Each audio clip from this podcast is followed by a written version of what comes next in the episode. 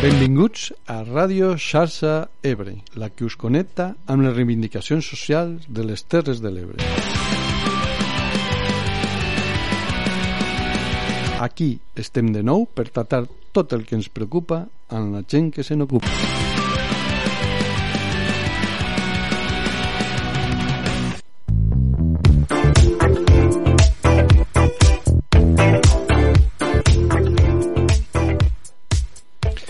Bon dia i bona hora, bona gent. Per arribar a la discriminació envers les dones, podem dir que es van donar dues coses.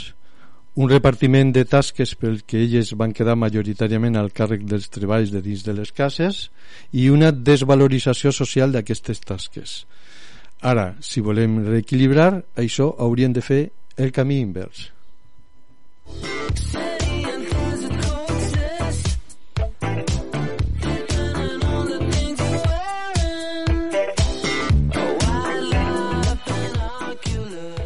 En el camí invers em refereixo a, d'una banda, valoritzar i repartir equitativament els cuidados que es fan a casa, tema del que m'he estat parlant als programes anteriors que hem fet al voltant del 8M, com quan han tratat eh, de la situació de les treballadores de les llars, siguin mestresses o contratades, i per l'altre costat està la conquesta de nous espais vedats o minoritzats per a les dones a fins d'aconseguir que hi hagi un accés equitatiu.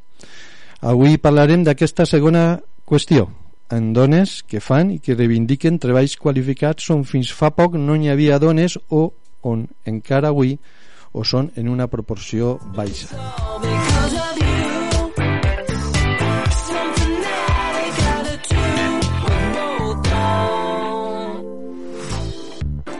Bé, per parlar de com està tot això tenim tres convidades a l'estudi.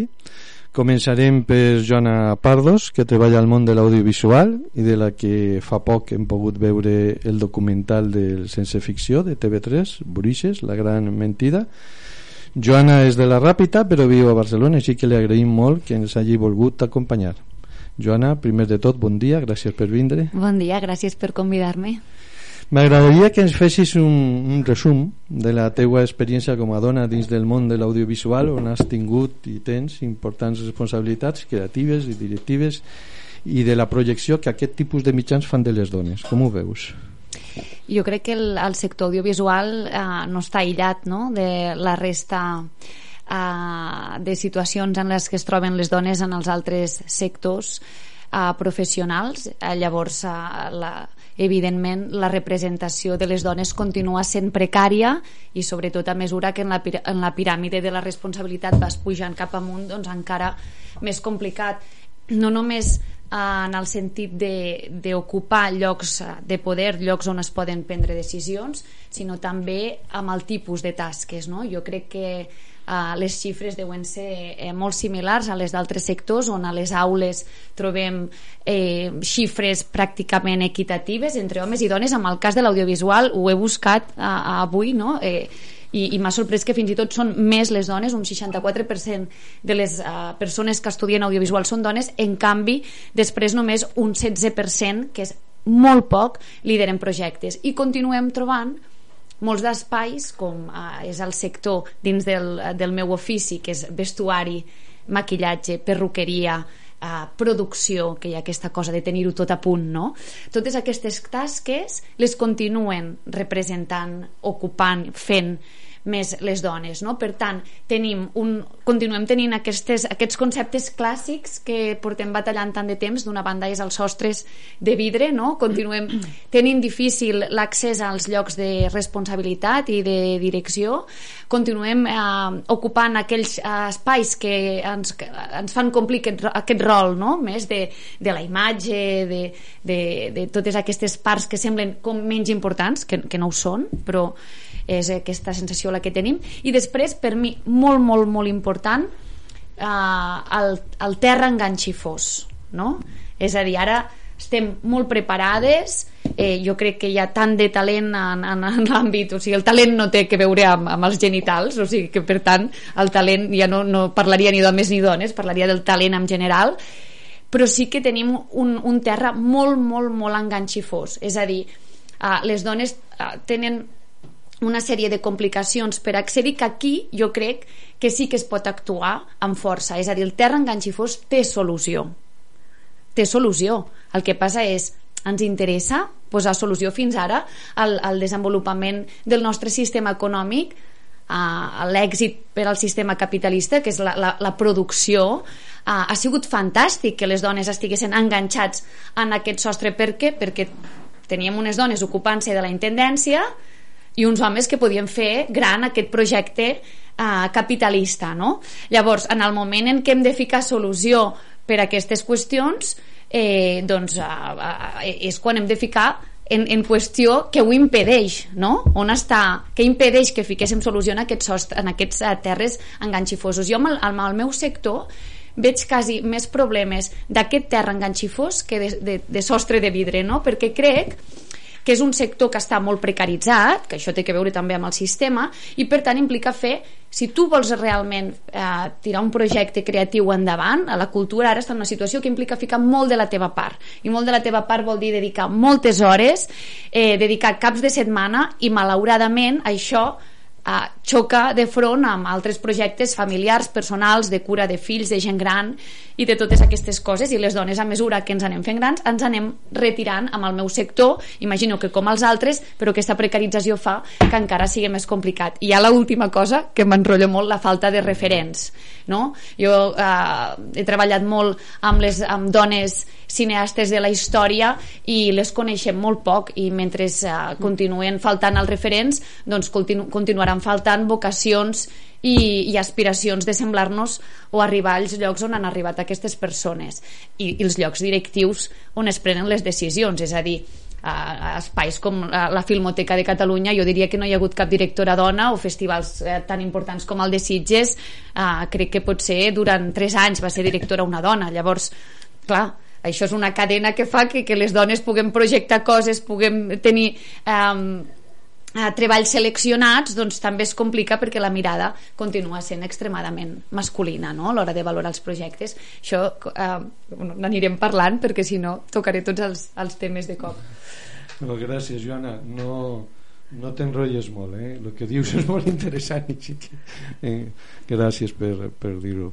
I per estar aquí de nou parlaves de directives mm -hmm. i la següent convidada que presentarem ara precisament Assumpta Colom també ve de Llum, de les Terres de l'Ebre però de Gandesa, de l'altre extrem de les Terres de l'Ebre d'on estem ara i bueno, ella pertany, pertany a una associació que es diu Associació d'Empresàries de, eh, i Directives d'Empresa precisament, no? ADD i el que voldríem és que em contessis una mica com va sorgir això, què feu, quins projectes teniu. Uh -huh.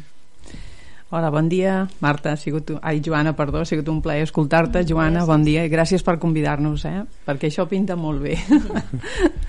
doncs sí, tal com, com diu Vicent, eh, vinc en representació d'ADEDE, ADEDE és una associació de dones vinculades al món de l'empresa, en qualsevol de les seves vessants i no es tracta d'una associació de professionals amb càrrecs concrets sinó més aviat una agrupació de dones preocupades per la seva vida professional i per la defensa de la igualtat entre homes i dones i la no discriminació per cap, per cap concepte per raons de sexe no? eh, una mica seguint el discurs que començaves tu, Joana, és veritat que una dona té, mm, no es diferència per raó de sexe de, de, de res respecte als homes i quan vol crear una empresa no hi ha diferència o sigui, està, està més que clar que quan crees una empresa ets competitiu o no ho ets t'adaptes o no t'adaptes, ets flexible o no ho ets flexible, crees la teva empresa, se posiciona al mercat. Una altra cosa és quan vas a accedir a càrrecs directius. Això, aquí sí que ja comença a bé la bretxa aquesta que dèiem, no? el terra enganxifós, on te comencen a preguntar doncs, si tens càrregues familiars i, i, i ja comences amb els plantejaments aquests sexistes, no? que ja posen en dubte la teva capacitat per davant d'altres temes i quantes vegades no ens han preguntat no? tens càrregues familiars i tu dius, sí, tinc família però la meva família no és una càrrega o la teva ho és veritat? A quants homes li pregunten si tenen càrregues familiars? És que, bé, Són, és un debat que aniria fins a l'infinit, no? Però bueno, seguim amb el tema d'ADD, pues, ADD, per què ho fem això? No? Per què ens vam ajuntar o per què vam crear ara fa més de 10 anys aquesta associació? Pues, per a diferència de molts altres col·lectius, tenim com a objectiu la localització específica en el nostre territori de les Terres de l'Ebre, no? I és que des d'aquí mateix i amb la idiosincràsia que ens caracteritza, doncs que volem lluitar per aconseguir que el paper de les dones estigui sempre al lloc que, que, que ha hagut d'estar o que els li, li correspon, no? Tenim la missió de crear sinergies per tal d'unir a les dones empresàries, directives i emprenedores abrenques i fer visibles i transmetre els diferents valors del territori. Ara mateix som unes 150 associades, tenim bastants projectes en marxa, molts que, que han fet durant aquests més de 10 anys i, tenim, i seguim amb les mateixes ganes de, de l'inici som, bàsicament ens trobem habitualment la, les membres de la Junta. Aquí mateix veig un article de la Isa Castell que és membre de la Junta sí. també una, una dona espectacular. I, i col·laboradora del programa. Sí, sí. I a la que estimo, estimo molt. Adedi és un miracle, la veritat. Jo, a mi m'agrada definir-ho com un miracle perquè cada vegada que ens trobem surten coses meravelloses aportes temps personal, recursos personals però en surts reforçat i amb una energia brutal és aquelles coses que passen quan t'ajuntes amb gent potent, amb, amb, amb innovació, creativitat i que i et surts reforçat. Tu aportes però guanyes molt més del que aportes. I aquí estem eh, posant al mercat aquesta professió que és la d'empresària que, que a vegades està una mica mal, mal vista o, o menys tinguda no? el tema de l'empresariat i, i vaja, us puc, us, us puc assegurar que no és cap tasca fàcil eh? fer d'empresari o empresària D'acord, moltes gràcies a tu també, Asum. Mm. I ara, abans de saludar a la tercera convidada, voldríem que escoltéssiu una gravació del canal Terres de l'Ebre que s'ha suggerit un dels col·laboradors del programa, Enrique Lange, i que trata de noies que volen ser científiques, mm -hmm. com ella. Vull ser nanotecnòloga. Vull ser investigadora genètica. Vull ser enginyera industrial. Vull ser enginyera mecànica. Vull ser enginyera naval. Elles són algunes de les futures científiques i enginyeres de les Terres de l'Ebre. Ara estan cursant segon de batxillerat a l'Institut Cristòfol d'Espuig de Tortosa i aquest divendres, Dia Mundial de la Dona i la Nena a la Ciència, hem volut conèixer la seva opinió sobre la presència de les dones en l'àmbit científic i tecnològic, com per exemple per què creuen que hi ha més homes que dones. Bueno, crec que no hi ha lo suficients referents eh, a nivell de dones com a nivell d'homes. Llavors les dones és com que pensen que eh, si continuem per aquesta branca no tindran un futur o no, no sortiran ben parades. Crec que és important que des de petites tinguéssim un, una persona a la que pugui seguir o mirar per a nosaltres dedicar-nos en un futur. Jo crec que no hi ha suficients referents perquè, per exemple, sempre que t'expliquen coses de ciència o tecnologia sempre agafen referents homes i en realitat si profunditzes un poquet més i llegis articles realment hi ha moltes dones però no se'ls dona el valor que els hi tindria que donar. Tot i això, consideren que la tendència està canviant i creuen que el futur de la dona a la ciència és esperançador. Sí, actualment sí, jo veig bastant en enginyeria que cada vegada hi ha una mica de més dones que abans que només eren tot homes. Sí, bueno, falta feina per fer, però jo veig que hi ha una certa evolució, ho vaig llegir també, que s'està engegant un projecte per a, que, per animar les dones a, a fer carreres com una enginyeria. Per la seva banda, la professora de física de l'Institut Cristòfol d'Espuig ha destacat que encara hi ha molt poques dones científiques en posicions decisives. Trobo falta sobretot també molt la presència de la dona a càrrecs més alts, no? càrrecs directius, càrrecs diguem que professió mitjana eh, més o menys la mateixa que n'hi havia però crec que falta molt per treballar encara perquè la, la dona en este cas científica o tecnòloga arribi a, a càrrecs més, més alts Queda palès que la presència de la dona a la ciència i a la tecnologia encara és una assignatura pendent per aconseguir la igualtat de gènere. Marta Sanz, que també ens acompanya a l'estudi, és doctora en químiques, treballa en ciència, en temes relacionats amb l'energia, a més de participar al col·lectiu feminista La Isara Lila d'Alcanar. Què ens pots dir, Marta?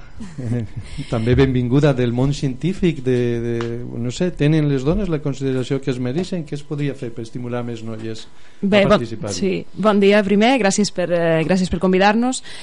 Bueno, escoltant una mica, una mica l'àudio que, hem, que hem sentit ara, no? han dit una cosa, no, la resposta directa és no, no, no estan ben considerades la, les dones en la ciència, però també és, és interessant el que han dit les, les companyes de l'àudio, no? que és eh, la manca de referents, i jo aniria inclús més enllà, no? perquè ahir va ser el dia de, de la dona i la nena en la ciència i vaig tenir la, la, la sort no? i l'oportunitat d'anar a una...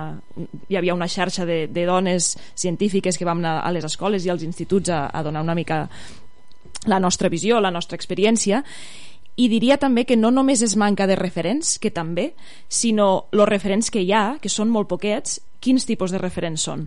Perquè si mirem llibres de text, per exemple, o si ara pensem en una dona científica, ens ve a la ment Marie Curie.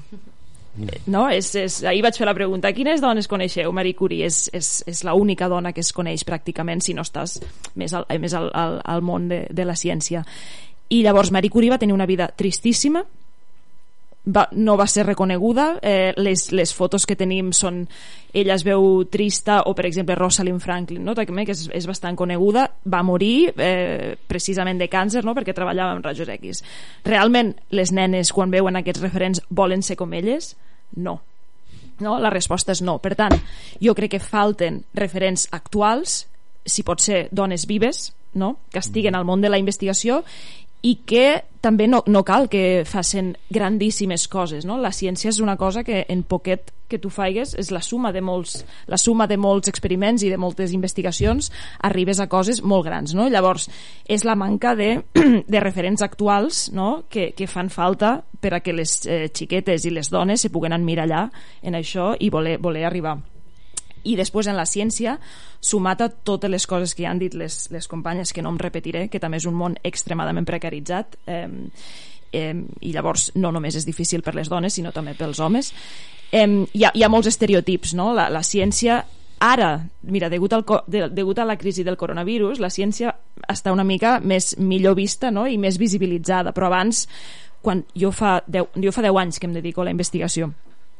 eh, des, des de diferents camps i a països diferents i fa 10 anys deies jo soc, eh, estic fent un doctorat i la gent no sabia encara què significava fer una investigació de, no? eh, quan deies estic fent un doctorat realment encara hi havia la, el pensament de que anaves, eh, es treballaves a un hospital hi havia la, la, la desconeixença de què, què és el món de la ciència ara en la crisi del coronavirus la ciència sembla que estigui més als mitjans i té molta més presència però encara hi ha molts estereotips no? quan tu fiques científic al Google eh, surt la, la imatge de científico loco, no? que és algú que està una mica boig, no? Que, que, no, bueno, que està solitari fent les seves coses al laboratori i la ciència va molt més enllà. Una altra pregunta que em van fer les xiquetes de les escoles és és veritat que els científics no tenen amics i no surten mai?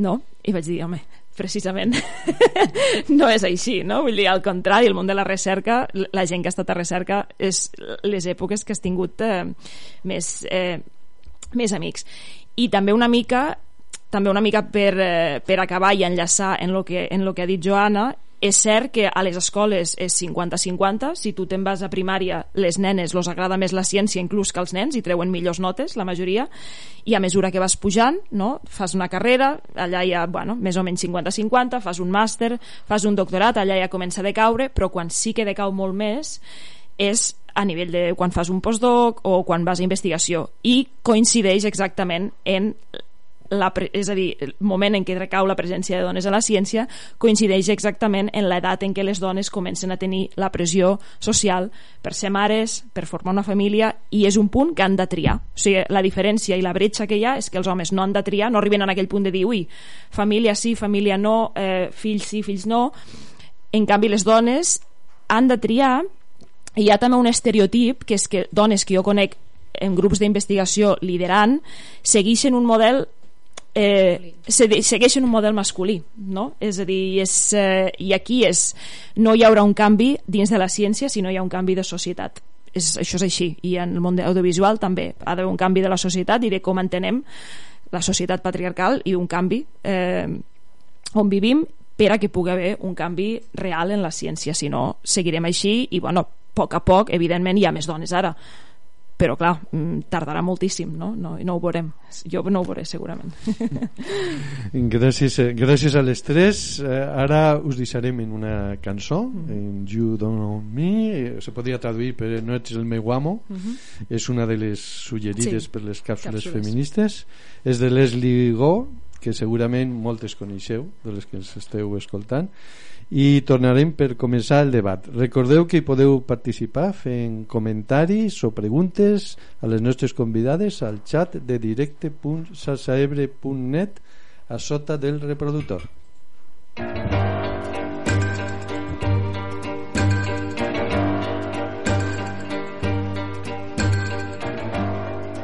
You don't own just one of your many toys. You don't own me. Don't say I can't go with other boys.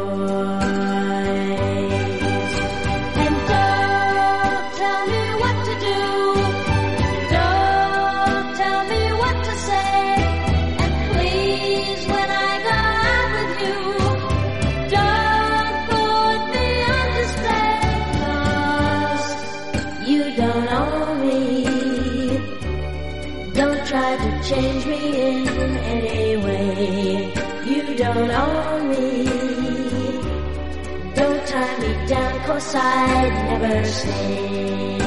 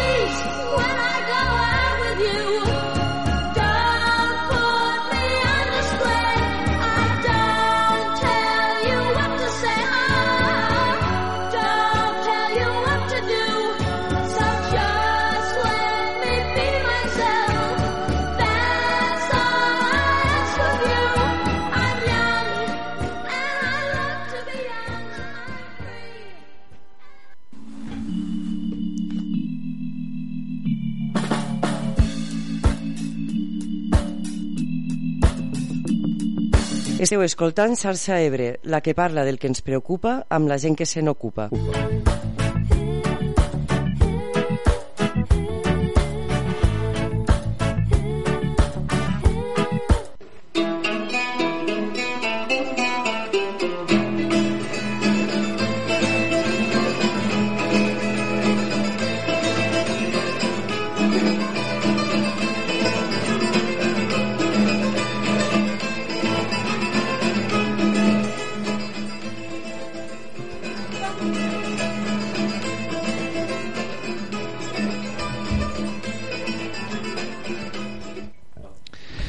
iniciar el debat voldríem posar sobre la taula si penseu bueno, és un tema per començar eh? després podeu anar per on vosaltres estimeu més oportú però bueno, eh, per posar un tema en el que sé que sabem que hi ha una mica de discussió no?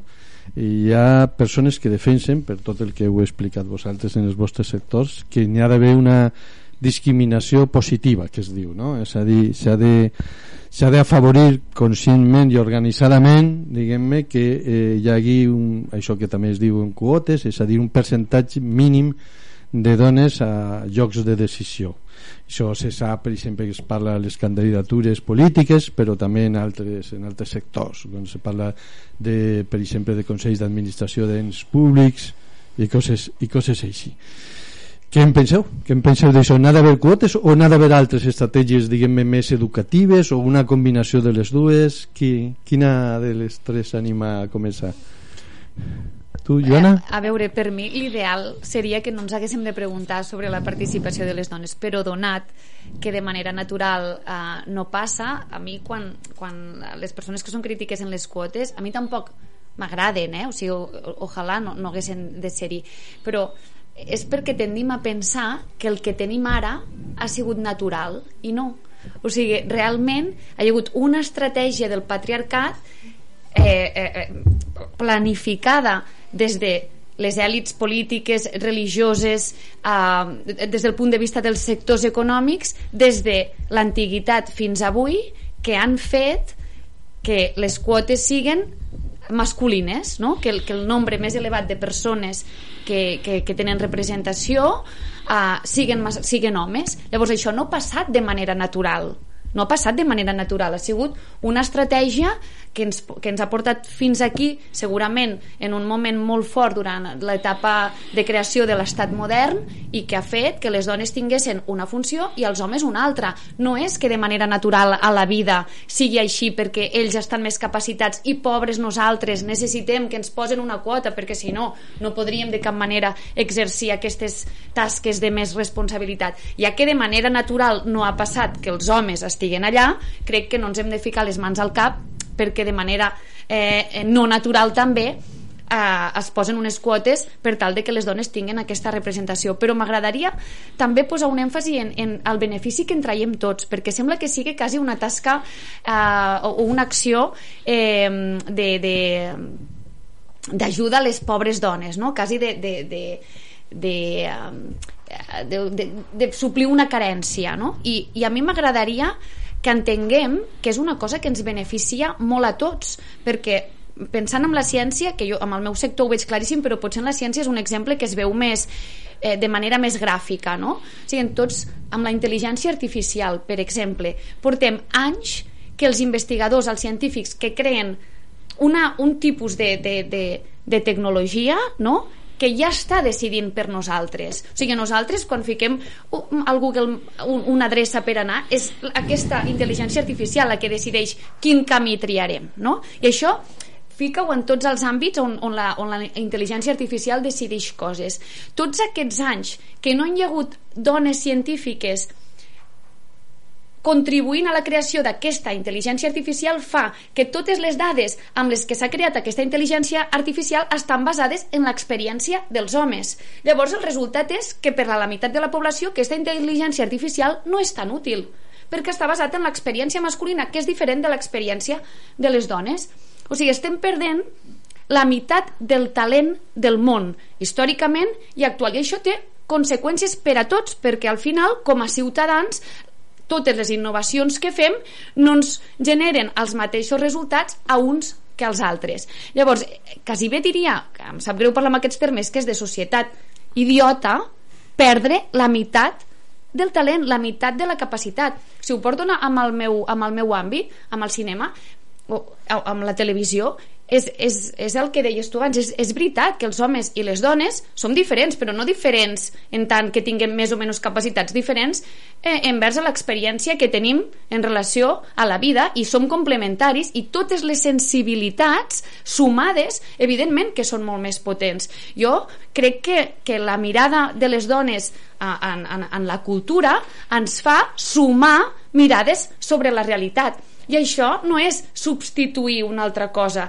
és augmentar la riquesa dels productes culturals que tindrem. Fa un temps un, un periodista em deia jo he, he estat molts anys fent una sèrie per Movistar que es diu Radio Gaga, que va sobre temàtiques socials i, i un periodista em deia és que aquests programes que, que les temàtiques són doncs, a, des de persones amb, amb discapacitat fins a barris marginals sempre són eh, situacions en què les persones estan intentant eh, tenen alguna problemàtica social que estan intentant superar per tirar endavant no? per tant no té res que veure a, en, en principi amb el gènere i em deia és que tots aquests programes tenen, són molt feministes no? perquè sempre hi ha com una una posada en valor de, del que fan les dones. Dic, dic, no, no és una mirada feminista, és una mirada de la realitat. O sigui, jo com em vaig a un barri com la Mina, les dones estan fent coses brutals. Estan fent una tasca per aconseguir l'escolarització de les dones, per aconseguir donar accés a, a la gent gran a una millor qualitat de vida, per aconseguir que els fills i les filles amb, amb addiccions aconsegueixen sortir endavant. Les dones lideren projectes socials brutals. Llavors, és que jo, com a directora, fico una mirada feminista o és que miro la realitat? Perquè no és més sec no hi ha més sec, no hi ha pitjor sec que aquell que no vol veure no? llavors ara està molt de moda això del hair story no? que és eh, apropar-se a la història amb aquesta mirada femenina o, i en el meu cas apropar-te a la realitat actual amb mirada femenina però tampoc li diria mirada femenina li diria mirar, mirar amb els ulls oberts i amb els ulls oberts fan coses els homes i fan coses les dones per totes aquestes qüestions crec que les quotes ens beneficien a tots i s'han de deixar de veure com una espècie de, de, de limosna per les pobres dones que no poden accedir no? Uh -huh. Què, què voleu, quina de, vol afegir alguna cosa? Que Bé, jo sí que jo sóc bastant crítica en les quotes eh, uh -huh. tens raó vull dir, jo, amb, això, amb això que has dit m'agrada el que has dit perquè és veritat ens beneficien a totes, no? Vull dir, mm. està claríssim. El tema de les quotes no és que digués no estem aquí per una cosa natural, sinó que és un sistema patriarcal que al final mos porta aquí. Però el tema de les quotes jo també ho veig eh, és a dir, és, és un tema molt, que s'ha de debatre molt i s'ha d'analitzar molt, jo crec que falta, a la societat nos falta molt d'anàlisi abans d'implantar coses, no? molt d'anàlisi i mirar realment quins són els beneficis, quins són els números, etc unes quotes sense, sense altres coses, sense canvis, no funcionen de res. És a dir, per exemple, si tu poses eh, a una dona, és a dir, si fiques, per exemple, un 15% d'aquestes beques o el que sigui, se donaran només a les dones. Vale, d'acord. Eh, si tu, si tu, si, si a mi em donen una beca d'aquestes, però em segueixo estant dintre d'un sistema patriarcal, d'un sistema que m'està posant moltíssima pressió perquè jo faci altres coses, aquesta quota a mi no em ser, potser no em servirà de res o, o, o, o bueno, em ficarà molta més pressió encara, jo crec. Llavors, és la, les quotes jo ho veig moltes vegades que és una solució molt fàcil i ràpida dels nostres governs i molt populista a nivell, a nivell polític no? per eh, fer veure que fan alguna cosa. Llavors, quotes sí, críticament, vull dir, mirant-ho una mica, eh, mirant una mica quins són els beneficis, quin tipus, etc però acompanyat sempre de moltes altres coses no? Vull dir, mm. si, si no. i a mi em dóna la sensació que això és la man el que manca ara mateix a la societat que fan quotes sense fer res més o sigui, si a mi no em donen si jo tinc dos fills, no? una càrrega familiar una, la meva parella també no? I, i, i vic una relació no? diguem de càrregues al 50-50 no? de, de, eh, llavors si a mi em fiquen a, a liderar un projecte necessitaré, probablement necessitarem més ajudes a casa necessitaré eh, no? com el tema d'educació que ha passat ara no? per exemple és, és, un altre, és un altre debat no? de diuen, bueno, això beneficia la dona no? el tema d'educació que comencen a les escoles abans, beneficia la dona perquè la dona és qui està a casa bueno, malauradament sí, és així però en lloc de fer un canvi perquè a sobre la dona estigui més a casa, podem canviar perquè la situació, la realitat no sigui així. Això sembla molt ideal i molt utòpic, no? I és com no es pot canviar d'un dia per l'altre. Però jo crec que les quotes... Soc crítica no, no, no del fet de les quotes, sinó perquè és veritat que ens estan beneficiant, sinó com s'utilitza com a arma política, jo crec, eh, fent coses que, que, que requeririen més esforç no? Mm. Llavors... És que ha de ser un canvi molt global clar. Mm -hmm. a mi ah, tampoc m'agraden les quotes uh -huh. digues, digues la teua, per favor per a res, perquè ja, són, ja, ja la paraula quotes discriminatòries ja, ja comença a ser lletja no? quotes discriminatòries ja, ja deixen de banda altres capacitats o altres competències que no haurien de ser no, no s'haurien de parlar en tema de quotes no? si una persona és competent i té experiència perquè la té no, o sigui, no, no intervé res més no? per això ara s'està posant tant s'està posant tant a l'alça el tema de la selecció per competències perquè és, és posar en vàlua la persona sense cap distinció de res o sigui, en què ets bo, en què, en què, en què destaques,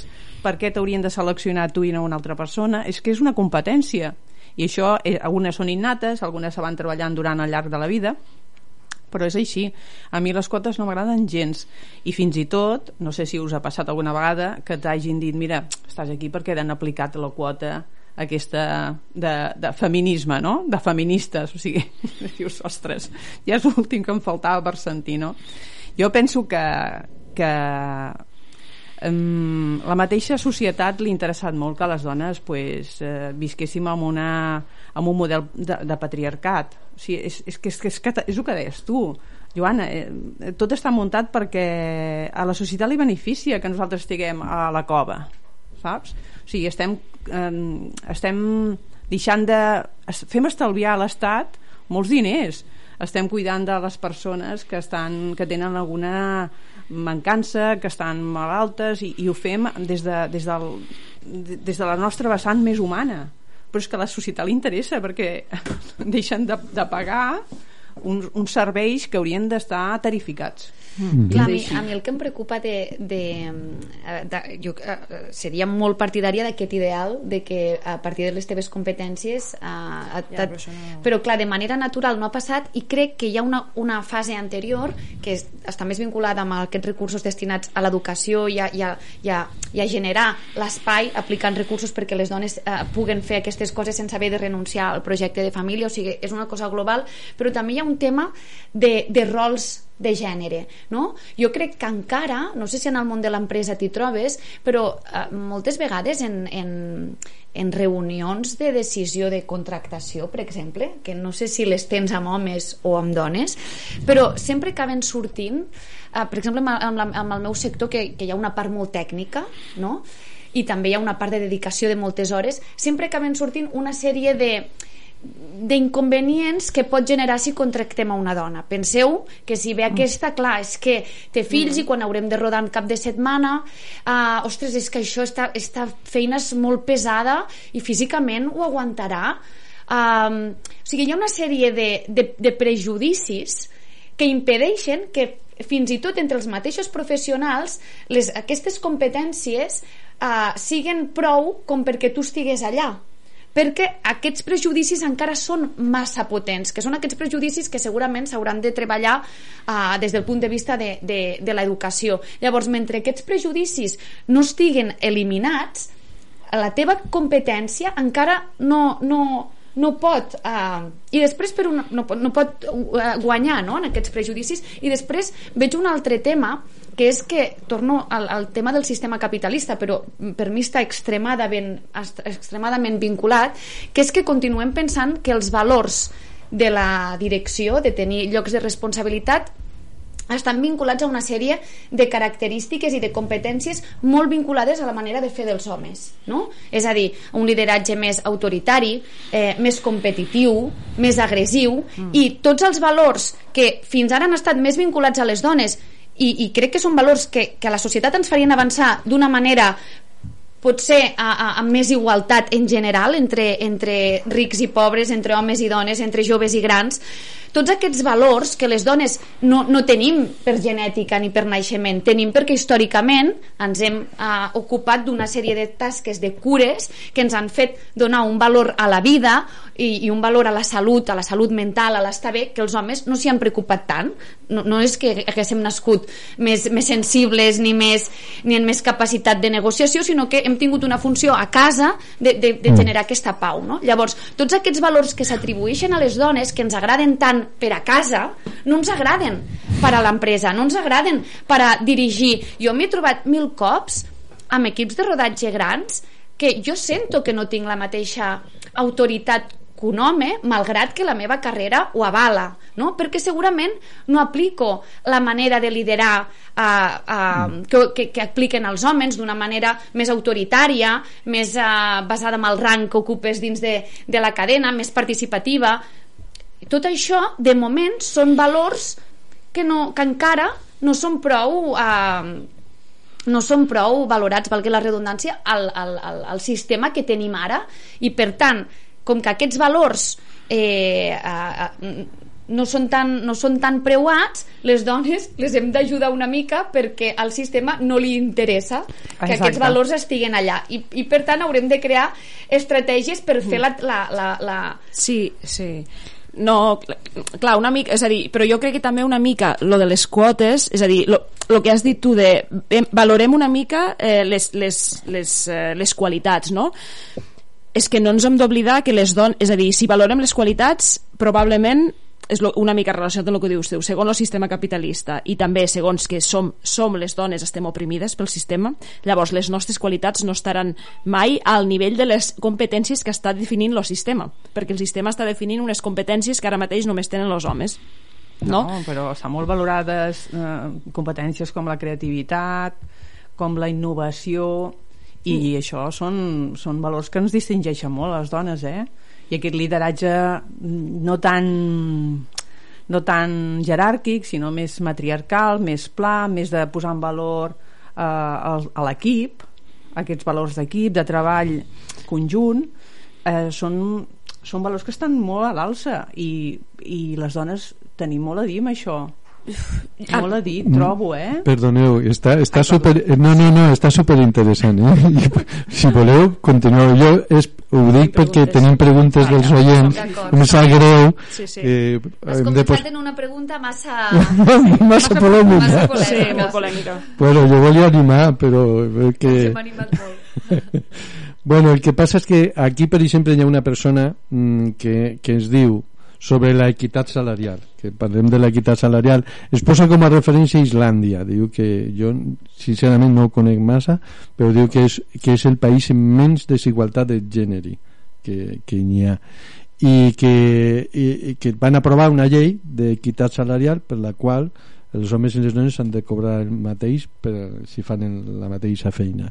Què en penseu d'això de l'equitat salarial? Ja sabem que hi ha una bretxa, una escletxa per dir-ho sí. bé, igual que se diu cures en lloc de cuidado, jo abans he dit cuidado intencionadament perquè la gent encara per aquí utilitza cuidado però què en penseu de la d'aquest tema, jo crec, Marta? Jo crec que pensem totes que, evidentment, clar que sí, no? equitat salarial sí. Però el tema problema... de si, si el govern està fent el que, el que hauria de fer, la qüestió política. Govern? Sí, el nostre. Perquè crec que la pregunta va per ahí. Perquè el Parlament, quan aprovarà una llei com la d'Islàndia?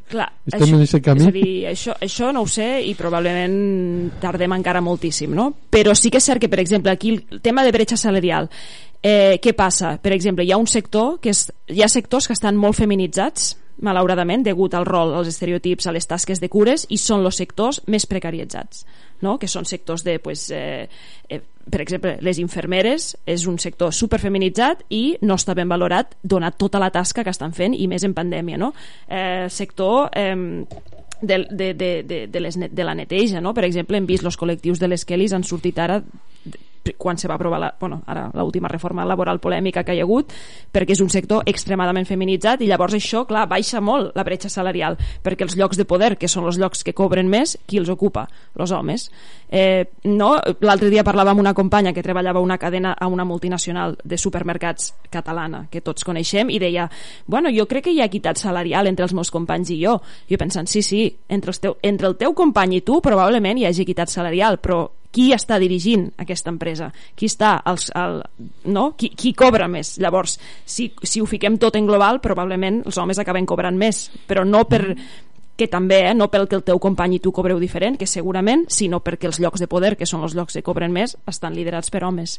Mm -hmm. I no sé si això no sé si voleu afegir alguna coseta més. Jo s'hauria de, de legalitzar o regularitzar d'alguna manera i tant, i denunciar en el cas d'incompliment, perquè pues, les entitats eh, els organismes que de justícia estan per això. Uh mhm. -huh. No estem parlant de justícia social, doncs mm, sí o sí s'hauria de regularitzar. Uh -huh. Uh -huh. A mateixes uh, característiques, mateixos sous, sí. és que cau pel seu pes. Uh -huh.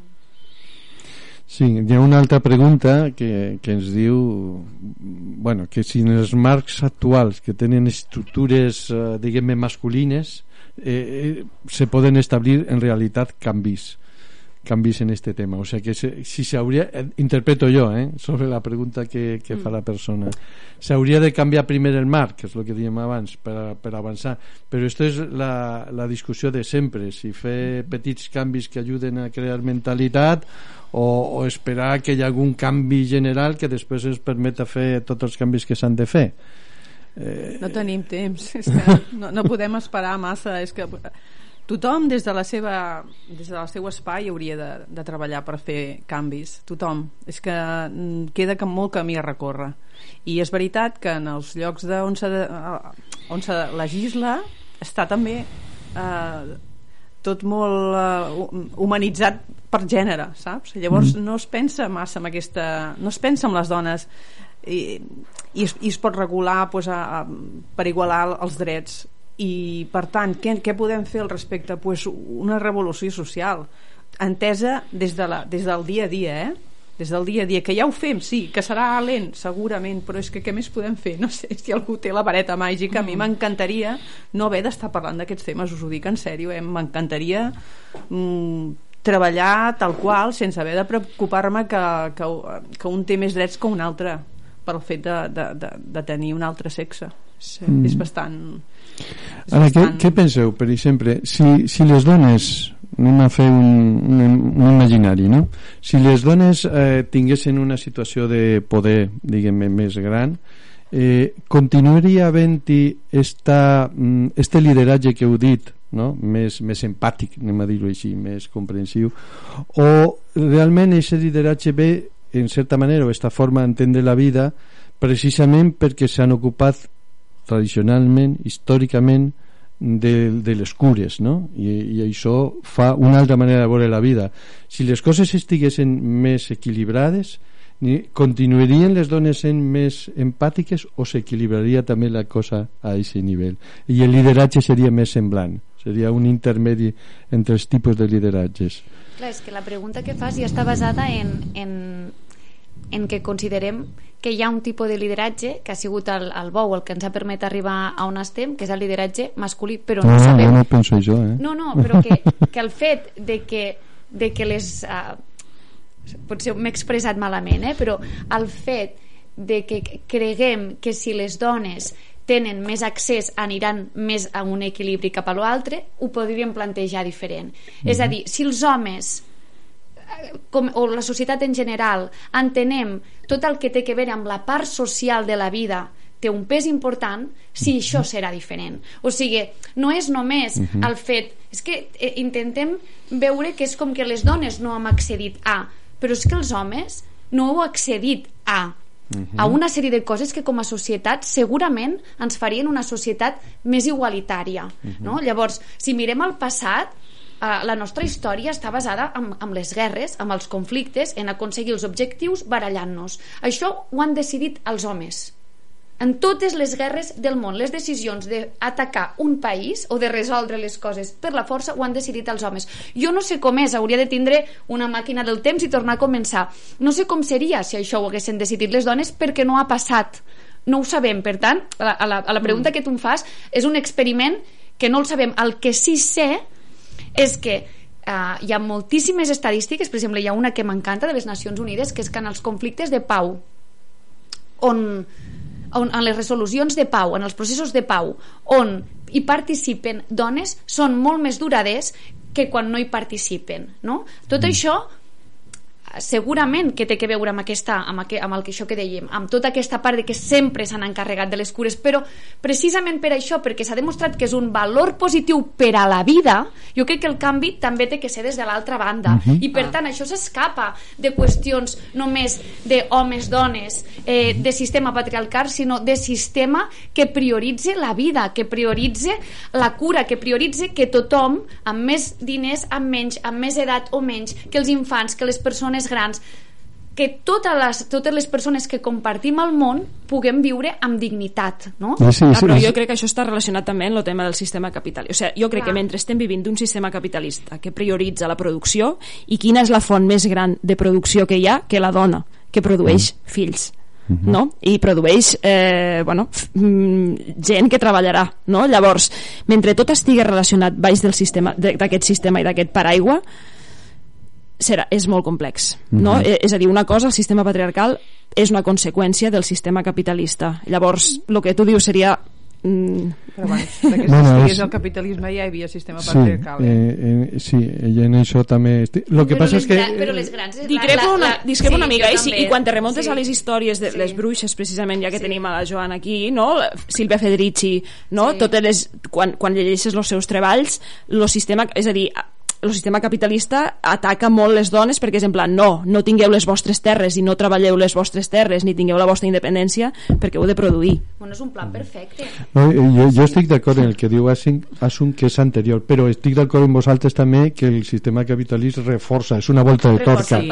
apreta més en aquests sentits, en aprofita més. I el que deies, Joana, és el que jo deia a la introducció, doncs no m'he expressat bé. Sí. Exactament, s'ha sí. de valoritzar més la tasca de cures s'ha de valoritzar més per a que homes i dones se n'encarreguen d'ella i perquè això influeixi a la manera d'enfocar les coses en general, els liderats i... per això jo sóc de l'opinió que si això passés, este camí que deia al principi de recórrer en sentit invers, al final la diferència entre com enfoquem les coses les homes i les dones no seria tan gran, perquè realment tots ens faríem càrrec també del tema de cures i no estaríem tan pendents de la competitivitat tipus guerrera com tu esmentaves.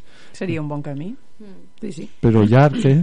Tal com Seria anem. bon camí, sí. Sí, amb la línia que deia la Marta al principi que deia que les científiques no, que no anéssim a buscar només els grans referents jo crec que també la èpica ens perjudica, ens perjudica molt en aquest sentit no?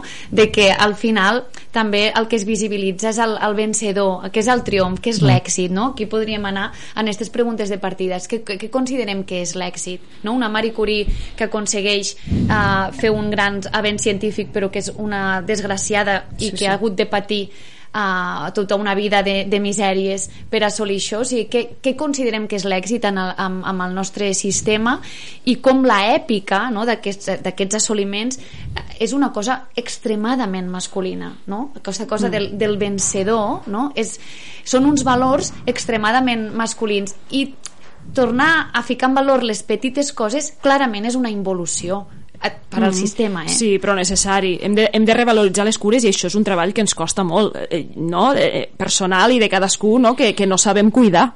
Mm. No en sabem. O sigui, Fins i tot cuidar els companys de treball, Sí, perquè la feina també és clar, una, companys és de un- treball, clar, companys de treball, de parella, amics, ens costa molt cuidar perquè també vivim en un món que va molt ràpid, no? I és com no tinc temps de, de, de, de cuidar. Revaloritzem les cures i que justament són els sectors que estan més precaritzats, els de les cures, perquè no Mhm. li posem valor a la vida. Exacte. Voleu afegir, perquè estem acabant, una coseta final que voleu dir? Només dir que, que sí, que el tema... Per què és per tu l'èxit? Per mi, de veritat, és deixar una petjada positiva.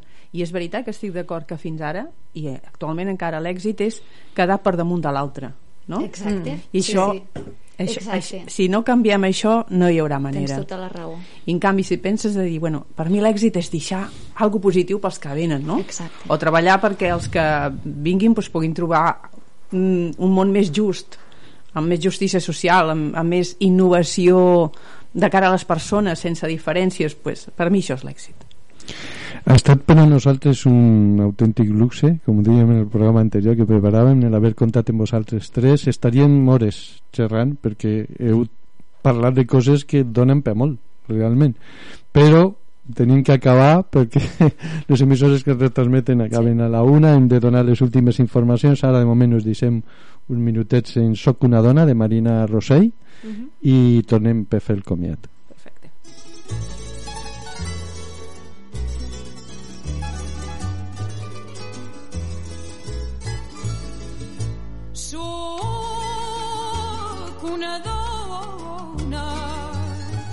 Ja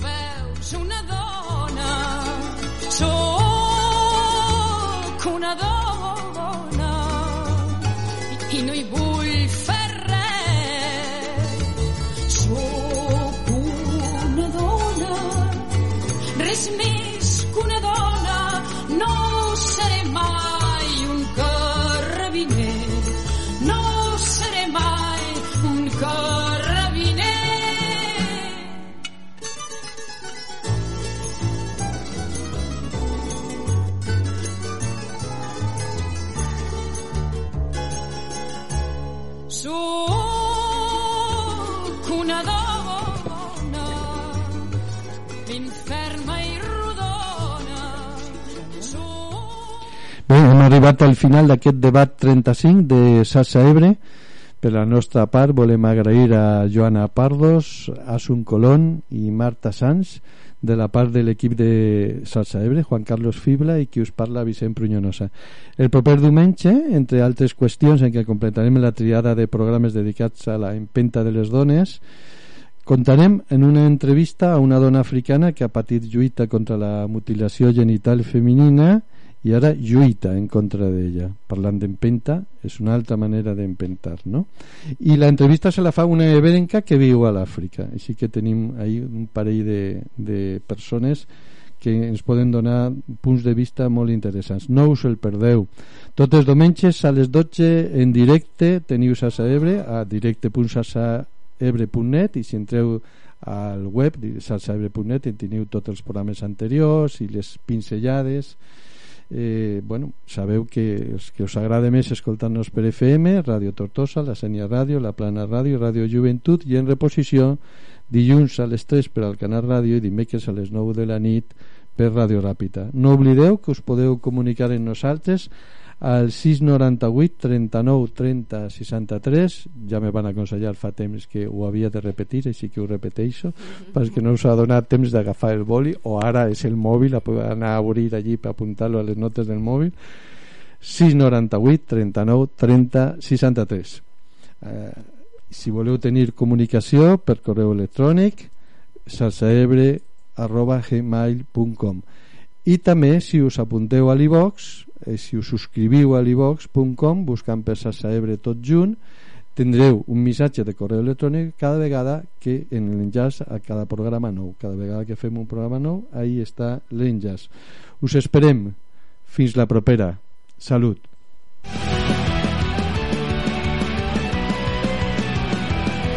T'esperem a la propera emissió de Xarxa Ebre. Ens trobaràs al WordPress, al Gmail, Facebook, Twitter i a l'iVox. Sempre amb aquesta etiqueta, Xarxa Ebre.